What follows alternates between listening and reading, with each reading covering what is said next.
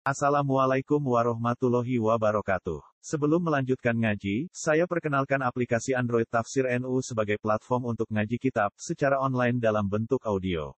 Tafsir NU berisi berbagai kajian kitab kuning dari berbagai ulama NU.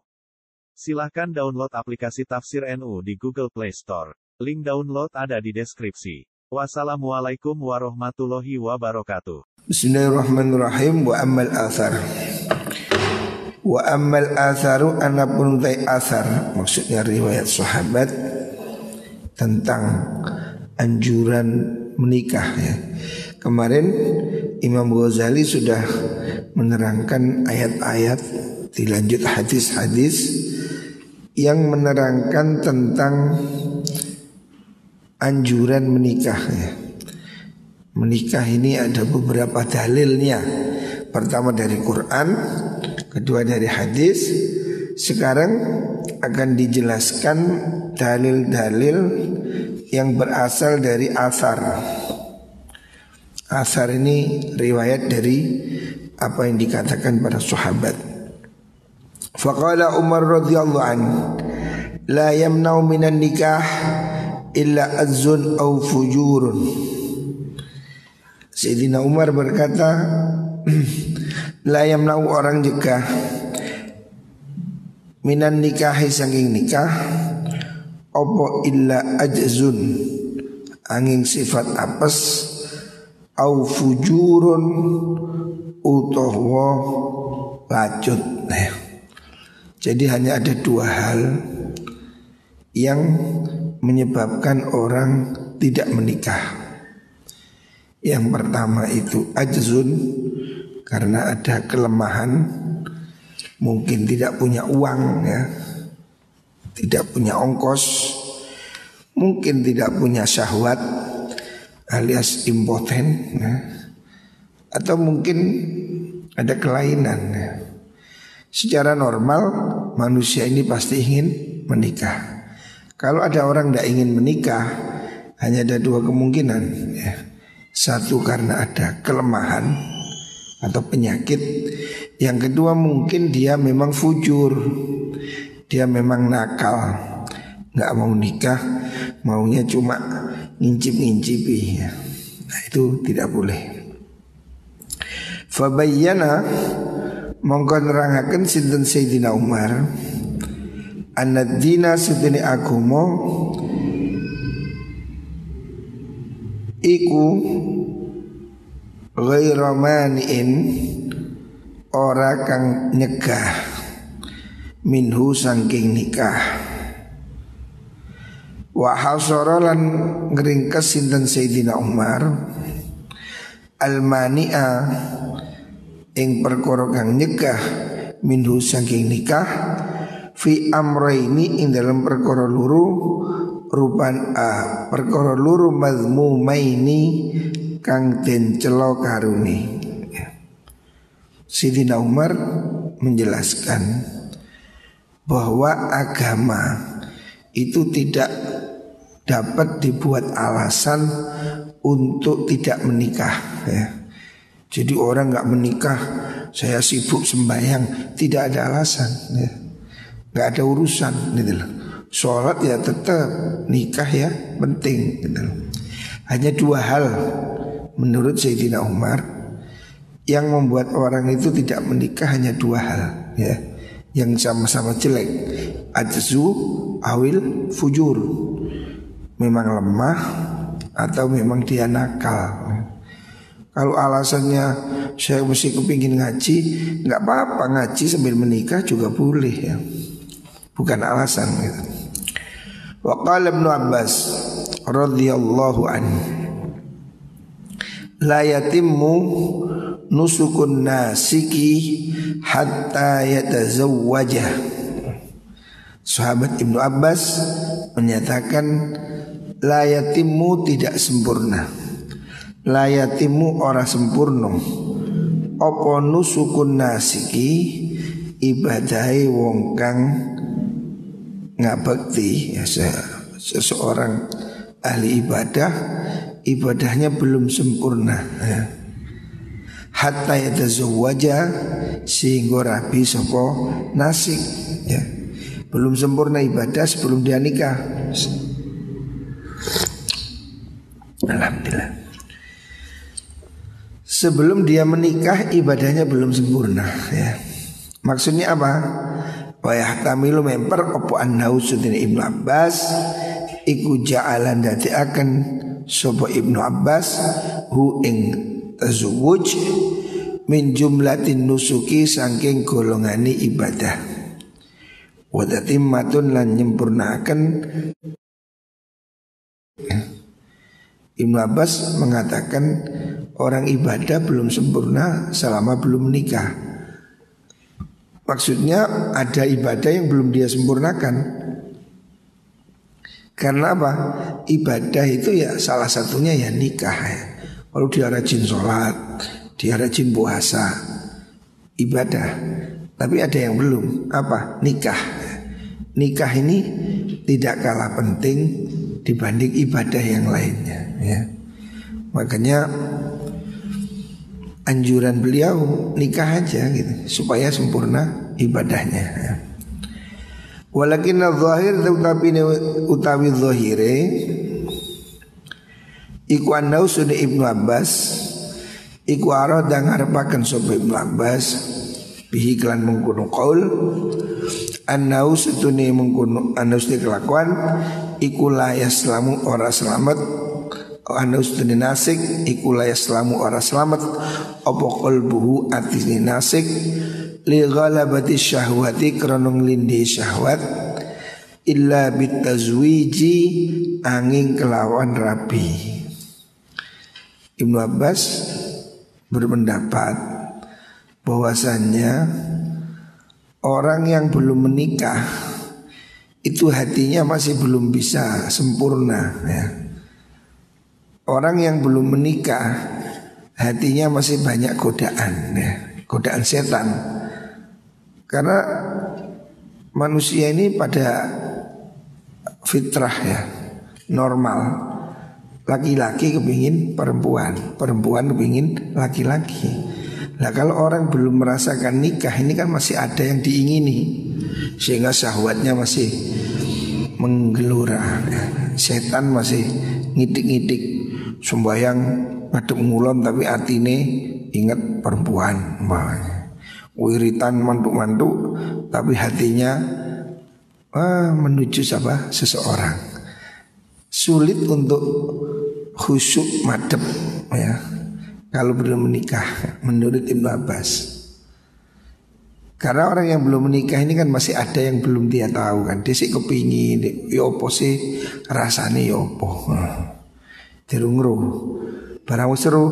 Oh ternyata ya enak tenan. Nah, makanya kamu ini kalau sudah waktunya dan rapi wae ojo telat-telat. Walayatim menusuk illa bi firagil qalbi. Walayatim mulan orang selamat opo nusuk ibadah illa bi firagil qalbi angin kelawan kosongnya hati. Sedangkan ibadah itu kan harus konsentrasi penuh, ya. Ibadah ini kan harus totalitas. Lah, orang yang belum menikah itu hati sering tergoda ya.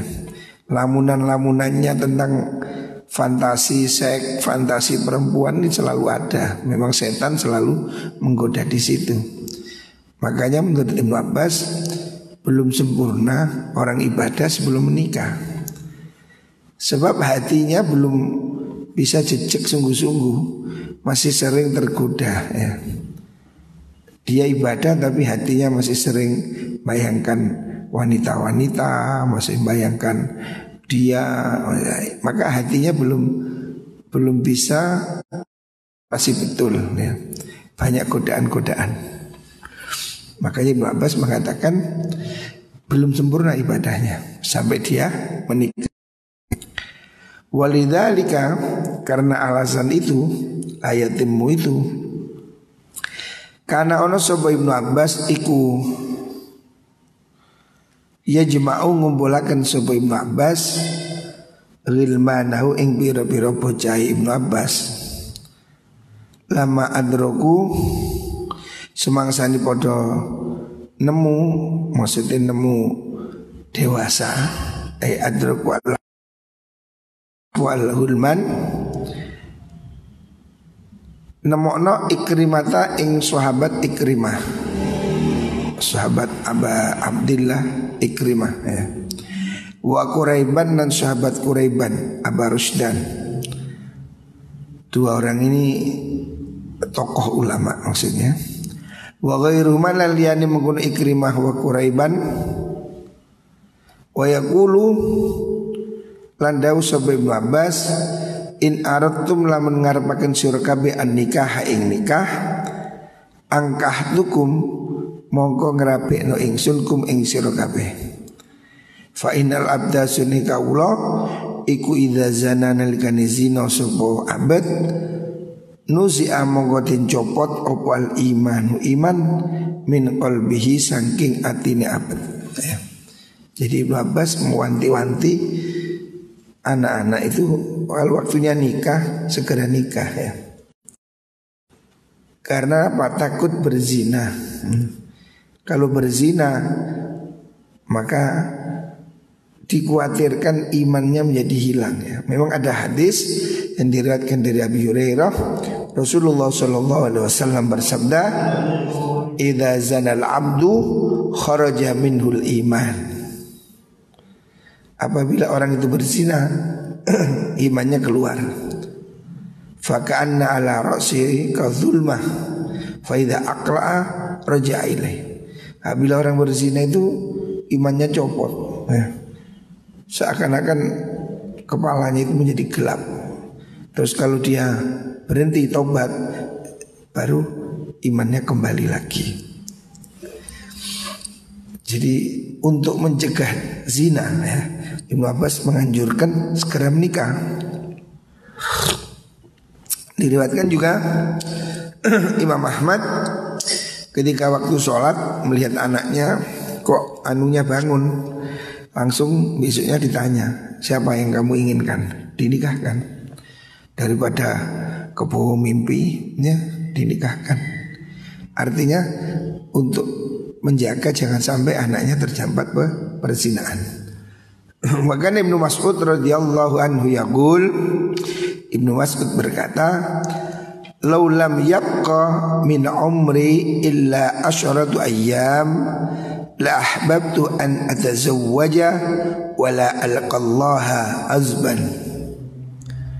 Ibnu Mas'ud salah satu sahabat Nabi yang terkenal mengatakan laulam yabqa lamun ora tetap min umri saking umur ingsun apa illa asyratu ayamin angin sepuluh dino seandainya umur saya ini tinggal Sepuluh hari katanya sahabat Ibnu Mas'ud.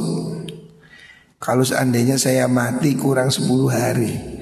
La ahbab tu Monggo yakti demen ingsun An atazawwaja ing yento rabi ingsun Wala alqolan ora tetemu ingsun Allah ing Allah Azban hale Dudo Azban itu tidak beristri ya jadi sahabat ini takut kalau mati dalam keadaan tidak punya istri.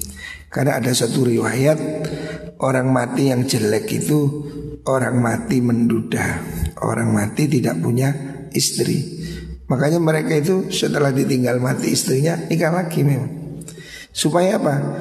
Takut supaya dia kalau mati dalam keadaan supaya beristri tidak menduda gitu. Ada riwayat memang bahwa orang yang mati menduda itu buruk gitu. Jadi sahabat Ibnu Mas'ud mengatakan kalau seandainya saya ini sudah mau mati kurang 10 hari, saya mau menikah aja. Sebab apa? Wala alqallah azban. Saya tidak ingin bertemu Allah dalam keadaan duda, tidak beristri. Ya. Jadi nikah ini bukan soal hanya kebutuhan jasmani tapi ada kebutuhan rohani ya. Pahalanya orang menikah ini kan berlipat ganda. Orang belum menikah atau orang punya istri dibanding tidak punya istri itu sholatnya beda, pahalanya beda. Ya. Makanya kiai kiai itu istrinya meninggal menikah lagi karena apa? Takut kehilangan pahalanya itu. Wa matat imra'adani li Muadz bin Jabal. Wa matat lan seto sapa imra'adani wadon luru dua orang istri li Muadz bin Jabal kedua sahabat Muadz bin Jabal radhiyallahu an. Fi tauni ing dalem mangsa taun. Taun itu pandemi. Kalau hari ini ya corona virus ini. Sahabat Ibnu Abbas kehilangan dua istrinya di masa pandemi. Wa kana huwa aidan mat'unan Wa kana lan ono sapa Ibnu Abbas huwa ya Ibnu Abbas iku mat'unan kang kena. Ya. Dia juga dalam posisi sakit. Istrinya dua meninggal, dia sendiri sakit. Loh, tapi dia tetap minta anak minta dikawinkan. Faqala ngucap sapa Muaz zawijuni zawiju ngrabekno sira ni ing ingsun kondisi sakit istrinya meninggal. Dia minta dinikahkan. Wis loro padahal. Kenapa? Kenapa Mu'adz kok minta menikah? Fa ana akrahu an alqallaha azban. Fa ana te ingsun iku akrahu sengit ingsun. An alqallaha ing yen tetemu ingsun Allah ing Allah. Azban halidudo ya jadi sahabat Mu'adz ini tidak mau mati dalam keadaan menduda. Makanya dia walaupun pada posisi sakit istrinya meninggal minta dinikahkan lagi. Takut kalau dia mati dalam keadaan tidak punya istri. Tuh, kenapa kok takut? Ya karena ada satu riwayat bahwa orang mati tidak punya istri itu jelek ya tidak bagus ya. Mati menduda itu tidak bagus. Makanya ini ada dua contoh di sini. Ada sahabat Mu'ad ya yang mengatakan demikian. Sebelumnya juga sahabat Ibnu Mas'ud. Ya. Dua-dua ini sahabat Rasulullah Wasallam. Dua-duanya mengatakan takut mati dalam keadaan duda. Ya. Wahada utai kila kaul min huma sanging mengkono Ibnu Mas'ud lan Mu'adz ucapan takut mati duda dari orang sekelas Ibnu Mas'ud dan sahabat Mu'adz. Iku ma ya dulu kang nuduhaken apa ma? Ala annahuma ing atase setuhune Ibnu Mas'ud lan Mu'adz iku ro'aya ningali nekotaken sapa karune Ibnu Mas'ud dan Mu'ad Fin nikahi ing dalam nikah Fadlan ing keutamaan. La min haitsu taharruzi Ora sangking arah ngerekso Menjaga Min galabati syahwati Sangking lindi syahwat. Artinya di luar urusan syahwat ya di luar urusan itu kebutuhan apa manusia, kebutuhan dasar manusia normal ya. Tapi di luar urusan seks ada kepentingan yaitu mempunyai istri itu ada pahala tersendiri. Jadi beliau Ibnu Mas'ud walaupun mengatakan seandainya saya mati kurang 10 hari dalam keadaan sudah tua maksudnya.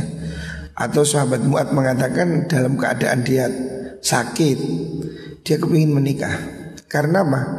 Dia tidak ingin mati dalam keadaan tidak punya istri. Sebab orang punya istri ini ibadahnya dihitung lebih besar Dan orang mati tidak punya istri itu tidak bagus, jelek. Ya. Artinya punya istri ini satu kelebihan, satu keistimewaan Makanya dari situ bisa diambil pentingnya orang punya istri. Ya. Kadang ada orang kan tidak menikah, ditinggal istrinya nggak menikah. dia tidak menikah itu ya pahalanya kurang ya. Karena kita ini ya satu ada kebutuhan ya. Yang kedua ada pahala yang diberikan Allah bagi orang yang berkeluarga. Makanya tetap saja dia perlu menikah. Sahabat yang lain juga sama banyak riwayat. Saya pernah baca Ibnu Hanifah, Abu Hanifah istrinya meninggal pulang dari kuburan langsung nikah. Nggak nunggu besok. Loh kenapa ini? Kuburannya belum kering sudah nikah. Alasannya sama. Saya takut mati dalam keadaan tidak punya istri Wagana Umaru radhiyallahu anhu. Wa kana lan ono sebuah Umaru Sayyidina Umar radhiyallahu anhu. Iku yuk siru ngakeh-ngakehaken sop Umar Minan nikahi sangking nikah. Ada sahabat nih yang seneng nikah Termasuk Sayyidina Umar. Zaman biyen ya Zaman dulu nikah kan Tidak perlu surat Tidak perlu KUA ya, Orang bisa nikah berkali-kali Hari ini susah Kamu nikah lagi Sama istrimu dilaporkan polisi dihukum di Indonesia ini ada undang-undang anti nikah lagi, anti nikah siri kalau nggak salah. Itu sudah ada undang-undangnya katanya. Jadi kalau ada suami nikah lagi, ndak ngomong-ngomong istrinya, itu bisa dituntut dihukum penjara enam bulan. Rapi di penjara. Akhirnya ke wong sing beling, wis rapi gendaan. Nah, oh ini kan bahaya ini. Rapi dihukum, gendaan boleh. Nah kacau ini. Saya dulu waktu undang-undang ini dibahas, saya di Jakarta ditanyai teman, bagaimana Gus? Ada undang-undang apa ya? Ini undang-undang anti poligami. Loh kenapa? Ya ini wanita-wanita usul. saya bilang Undang-undang anti poligami itu buatan Barat, eh, buatan Amerika. Memang di Barat tidak ada poligami, tapi selingkuh, perselingkuhan di mana-mana, perzinaan di mana-mana, dan mereka tidak perlu nikah. Pokok seneng ya, turut di mana-mana. Nah kita orang Islam nggak bisa, makanya perlu nikah. Orang-orang barat tidak perlu nikah Kumpul satu rumah tanpa nikah Biasa, umum Kita nggak bisa Waktu itu saya mengatakan Kalau undang-undang anti poligami dilakukan Itu gampang solusinya Undang-undang ini dipaksakan masuk negara-negara Islam Termasuk di Tunisia Di Tunisia sudah ada undang-undang itu saya kalau ada orang poligami ditangkap, dihukum 6 bulan. Termasuk nikah siri. Di Indonesia nggak boleh loh. Orang nikah nggak pakai KUA, dihukum.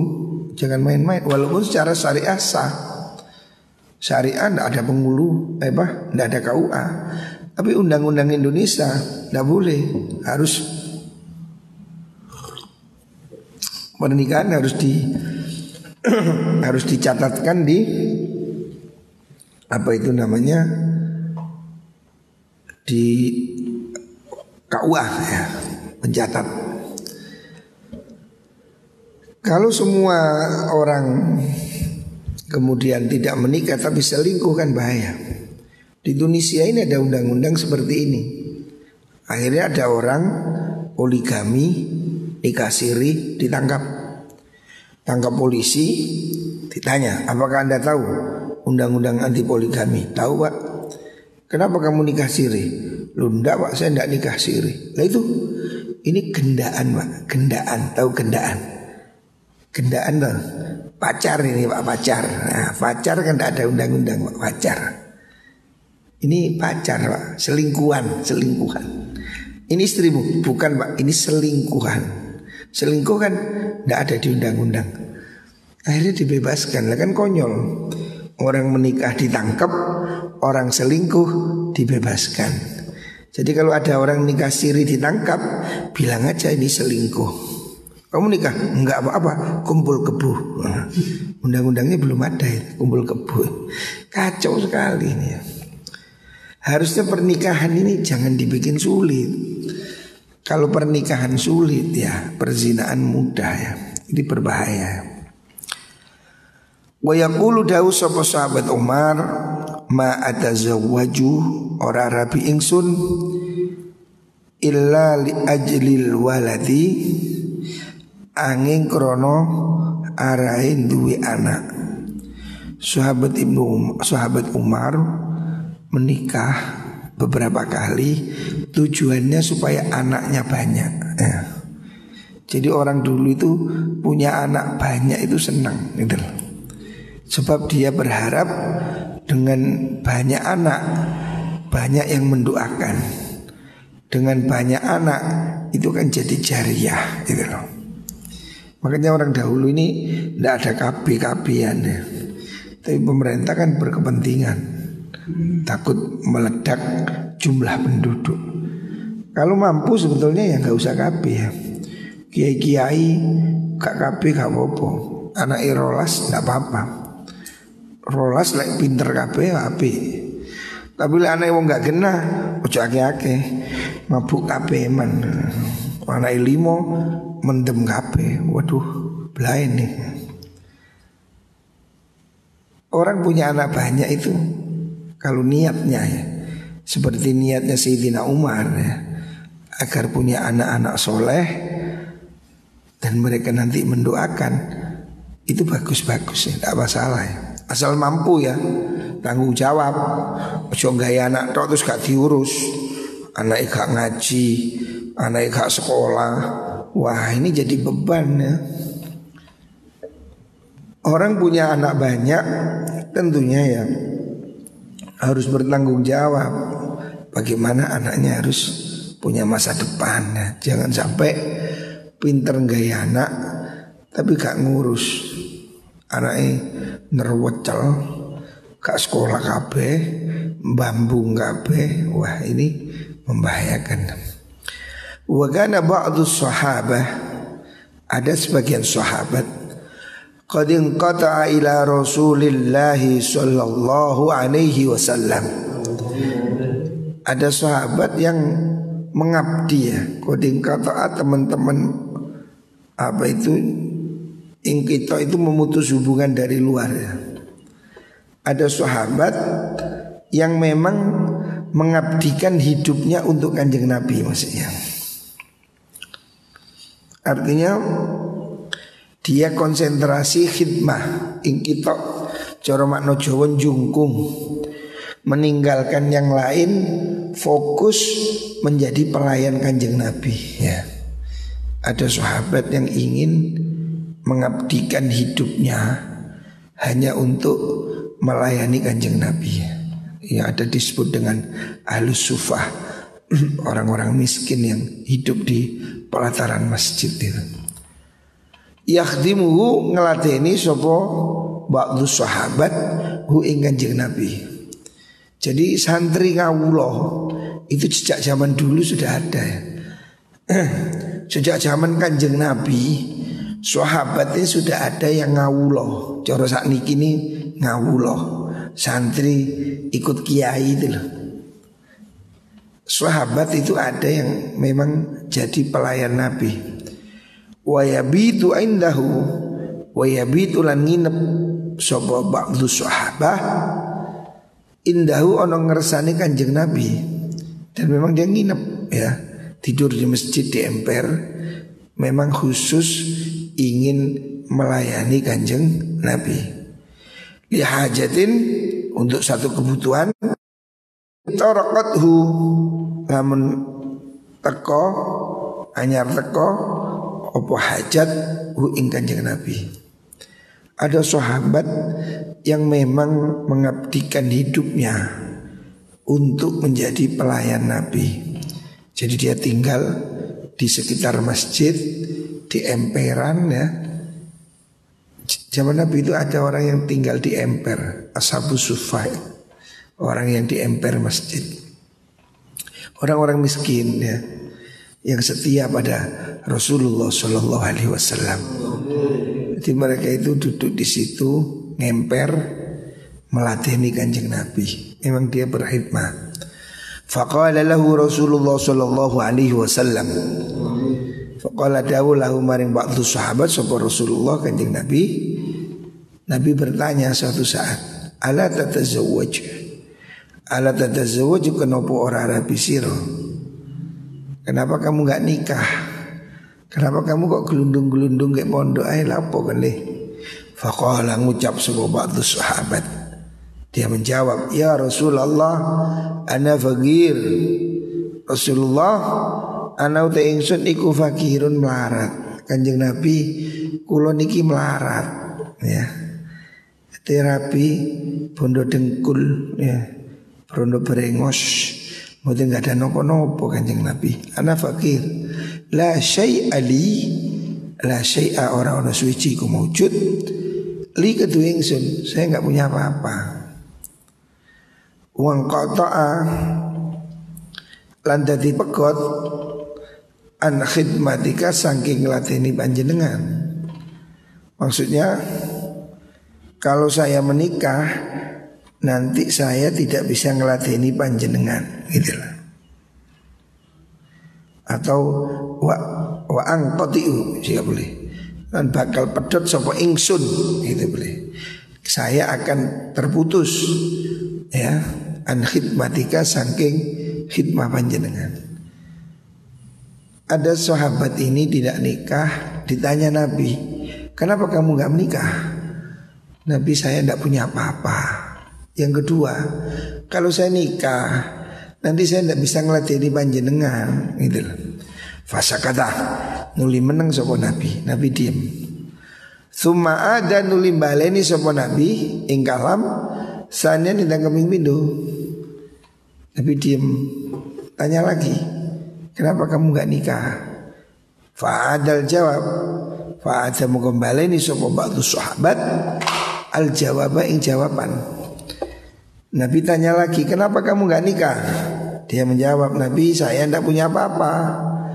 Dan kalau saya nikah Saya takut tidak bisa Ngeladeni panjenengan.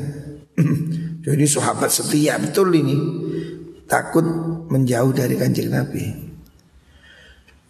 Summa tafakkar sahabi. Summa tafakkar nuli mikir-mikir. Sob sahabi mengkuno sahabat. Sahabat yang ditanya ini Mikir dalam hati maksudnya Nabi kok tanya dua kali ya nah, Sudah dijawab Tanya lagi Akhirnya dia itu Batin Kenapa ya? Kok ditanya sampai dua kali? Waqala ngucap sebab sahabi Ngucapakan Wallahi La Rasulullah A'lamu Bima yuslihuni Fi dunyaya wa akhirati. Wallahi demi Allah la Rasulullah yakti utai Rasulullah sallallahu alaihi wasallam iku a'lamu luwih weruh bima klan perkara yuslihuni kang bagus apa mani ing ingsun fi dunya ya ing dalam dunya ingsun wa akhirat lan akhirat ingsun wa malan perkara yuqarribuni kang marka kenapa mani ing ingsun ilallahi maring Allah minni timbang saking ingsun setelah ditanya dua kali, sahabat ini mikir, mungkin ada yang salah ya. Makanya Nabi mengatakan, oh sahabat ini mengatakan, wis terserah panjenengan Nabi. Panjenengan Allah dan panjenengan Rasulullah pasti lebih ngerti apa yang terbaik buat saya dunia akhirat. Dan apa yang membuat saya lebih dekat pada Allah daripada saya. La'angqala li as-salisa la'af'alan Ya. La'angqala yakti Dawu sopa Nabi Lima ring ingsun as-salisa ing ambalan kaping telu La'af'alan Itu ngelakoni ingsun Setelah dua kali dia itu Rumongso Kalau Nabi tanya tiga kali Wis saya akan menikah aja. Berarti Nabi menginginkan saya menikah Faqala mengkodahu sopo eh lahu sopo Rasulullah sallallahu alaihi wasallam lahu maring mengkono sahabi salisatan ing ambalan kaping telu. Bener. Ternyata Nabi tanya lagi. Tadi tanya, kenapa kamu nggak nikah? Saya miskin, saya ingin bersamamu Nabi. Nabi tanya lagi, dijawab sama. Sahabat ini punya kerentek di hati. Nabi kok di balik ini tanya Wis kalau tanya lagi saya akan bilang nikahkan saya. Berarti Nabi ingin saya menikah ya. Alat zawad Nabi bertanya alat zawad Kenapa kamu tidak menikah? Pertanyaan yang ketiga ini sama. Fakultu ngucap ingsun ya Rasulullah. His nekat deh sahabat ini. Ultu ngucap ingsun ya Rasulullah Zawijni akan tuan ni ing. Nggih Nabi nikahkanlah saya ya. Nyerah ini. Kok ditanyai terus sama Nabi? Kenapa nggak nikah? Saya miskin Nabi. Kenapa nggak nikah? Saya miskin Nabi. Ditanyai lagi, kenapa nggak nikah? Waduh, ini berarti kongkong nikah. Langsung dia dahului Nabi, saya dinikahkan aja. Ya.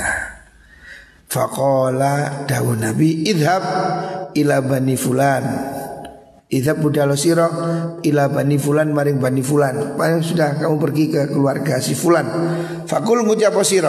Katakan pada mereka, Inna Rasulullah sallallahu alaihi wasallam Sehingga Rasulullah iku ya'murukum perintah sapa rasulkum ing sira kabeh antu zawijuni yen to ngrapekno sira kabeh ni ing ingsun fatatakum ing pira-pira wadon nom sira kabeh. Akhirnya Nabi menyuruh dia nikah Gampang Nabi kalau nyuruh Kamu pergi sana keluarga si Fulan Katakan pada mereka Rasulullah menyuruh kamu untuk dinikahkan dengan gadis yang ada di situ. Yes. Gak milih wis pokoknya Rabio kayak kono, nang sukono lo kono. Rabio waran tak kongkon aku. Nah, budal deh yang dikongkon Nabi, tapi sih ngenyang. Lah modalin Nabi. Kandu apa-apa Kala ngucap sapa sahabi ni wau fakultu ngucap ingsun ya Rasulullah la ali Ya Rasulullah tu kanjeng Nabi la ali la syai ora no suci-wici ku mujud li ketu ingsun.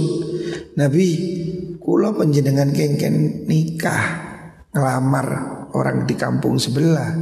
Saya tidak punya apa-apa Kulo mboten ada nopo-nopo Nabi.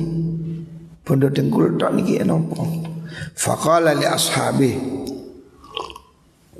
Faqala moko dawuh sapa Rasulullah li ashabi maring pira-pira sahabat Nabi. Ijma'u li akhikum wasnan watin min dhahabin. Nabi beri solusi. Nabi berkata pada sahabat, Ijma'u ngumpul sira kabeh liahikum maring sedulur ini yang mau nikah ini wasnan watin ing sak timbangane biji kurma. Ya secuil. Min dhahabin saking emas is ayo urunan patungan. Kumpul emas sak cuil untuk mahar. Faja'u ba'u mongko ngumpul sapa sahabat lahu maring mengkuno rojul Fadhaba mengkubudan sapa rojul bi iklan mengkuno dhahab ilal qaumi maring mengkono kaum. Karena oleh Nabi disuruh patungan sahabat nyumbang, eh, dia dapat emas sumbangan sahabat yang lain. Sudah dia pergi ya mengelamar anak orang yang dituju ya. Fa'angkahuhu mongkong rabe akan sopo mengkono kaum hu ing mengkono mengkono sahabi niku Faqala moko dawuh sapa Nabi lahu maring mengkono sahabi aulim gawiyo wali mahsiro. Jadi Nabi ini luar biasa. Ada orang nggak punya uang disuruh nikah. Nikah nggak punya modal, urunan patungan. Sahabat suruh sumbangan urunan bantu dia supaya bisa menikah. Lah sudah dapat modal ngelamar. Setelah melamar nggak punya ongkos buat resepsi. Fakola daun Nabi lahu maring sahabi aulim. Ayo bikinlah walimah. Aulim gawe walimah sira. Wajah maulan ngumpulaken sopo sahabat lahu maring mengkono-mengkono sahabi minal ashabi sanging pira-pira sahabat syatan ing wedhus lil walimati krana gawe walimah. Di sahabat zaman dahulu ini rukun ya. Ada orang nggak bisa nikah urunan cari mahar. Terus sudah punya mahar, sahabat yang lain urunan kambing buat bikin walimah ya. Bayangkan, sahabat zaman dahulu ini kompak luar biasa ya. Tolong menolongnya inilah. Nabi bisa memberi solusi nikahkan orang sak resepsi nih ya. Enak guys. Bondo manuk tok guys. Wahada takrir utai kilah bulan bela ini niki wau Maksudnya Nabi mengulangi Kenapa nggak menikah Kenapa nggak menikah Pengulang-ulang pertanyaan tadi Ya dulu nuduhakan apa takrir Ala fadlin Ingatasi keutamaan Fi nafsin nikahi dalam kahanan nikah. Menunjukkan kalau nikah itu penting. Makanya Nabi selalu tanya ya. Jadi Nabi itu selalu tanya begitu. Kalau ada orang belum nikah itu Nabi tanya Kamu sudah nikah? Nah. Diurus oleh Nabi Kamu sudah nikah? Nah. Saking perhatiannya Nabi ingin Jangan ada orang tidak menikah. Kasihan ya Orang tidak menikah kan Gelundang gelundung Turu meluma Apa meluma murah Jengking kesepian. Ngitung usuk oh, karena hiburan. Makanya dikasih solusi. Walaupun tidak punya Nabi menyuruh dia nikah. Patungan sahabat. Riwayat yang lain Nabi mengatakan iltamisu walau khataman min hadid ada sahabat ditanya al antam tazawij kamu nikah belum? Qala la belum. Hal indah kamu tatazawaj Kamu punya modal menikah? Qala la Gak punya Nabi. Nabi mengatakan Iltamis Walau khataman min hadid Wis goleo cincin besi. Artinya mahar yang murah Yang penting nikah ya, ya mestinya lah mahar murah yo Bujune yo Yo ayu Murah-murah Lah sing ayu mahar yo larang deh Wong wedok sing kinclong-kinclong iku pedake larang. Kalau kon kepingin bojo sing gilap-gilap ya nyambut gawe dhisik. Channel kepingin rapi artis ya ya nyambut gawe Cantik itu mahal. Tapi hari ini ada cantik murah ada. Pakai face up. pakai aplikasi. Apa namanya itu? Aplikasi itu lah. Kamera 360 itu. Face up. Nah, jadi orang diedit channel bisa kelihatan kayak James Bond. Oh. enak is. Gak usah werdaan. Cukup diklik-klik. Hari ini banyak aplikasi kamera jahat. Ya. Arek itu welek di diolah uh ngalang-ngalai artis Barang wis ketemu, waduh, waduh, kok tidak seindah fotonya. Banyak ini aplikasi kamera jahat. Makanya jangan mudah tertarik dengan Facebook. Facebook ini banyak yang palsu-palsu ya. Lihat agamanya ya, menikah itu penting faktor agama.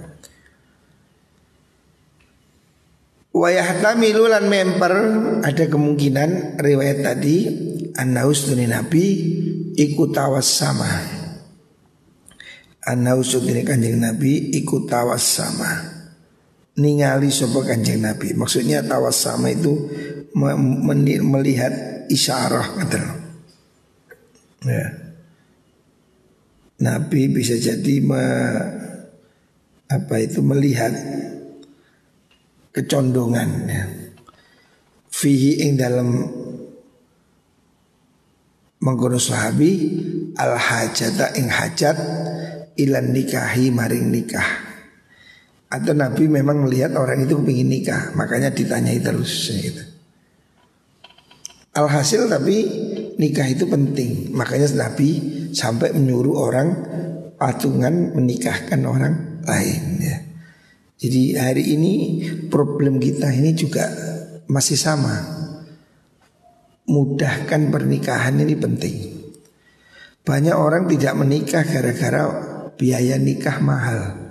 Bahkan ada orang sampai utang-utang. Saya lihat di Facebook ada bapak rela jual rumah. Bayangkan rumah dijual demi resepsi anaknya. Iwong gendeng nih, naudzubillah. Musuh omah didol ke resepsi. Lah yang edan nih. Jadi sekarang bapaknya tinggal di gubuk ya demi untuk biayai resepsi anaknya. La haula wala quwata illa. Kok ya segitunya gitu. Di desa banyak orang itu mantu utang utang sapi, utang beras, utang ini sampai lima tahun tidak nyaur, ya. Sampai dua anak belum bisa nyaur. Itu tidak bagus ya. Pernikahan jangan dipaksakan berbiaya mahal. Tradisi nikah berbiaya tinggi itu jelek ya. Memang resepsi itu sunnah, sunnah. Rasulullah Shallallahu Alaihi Wasallam menganjurkan resepsi Tapi nggak usah mewah-mewah. Nggak usah resepsi tujuh hari tujuh malam Di hotel. Itu pemborosan. Cukup kata Nabi Aulim walau bisyatin. Bikin walimah Walaupun satu ekor kambing. Cukup ya. Nggak usah nyembelih sapi pitu kakean. Orang desa biasanya kan kalau mantu Sampai seminggu bahkan kurang dua minggu sudah bioto sing ngoncai kelopo sing gawe jenang. Biaya biotonya ini lebih mahal dari biaya mantennya. Lah untuk tanggone kuape bioto muncai berambang mencai kelopo.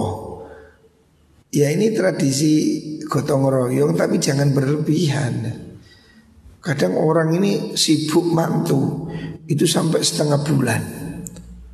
Bioto ini terlalu berlebihan. Sebetulnya walimah itu cukuplah sederhana. Jangan sampai utang ya. Walimah jual sawah.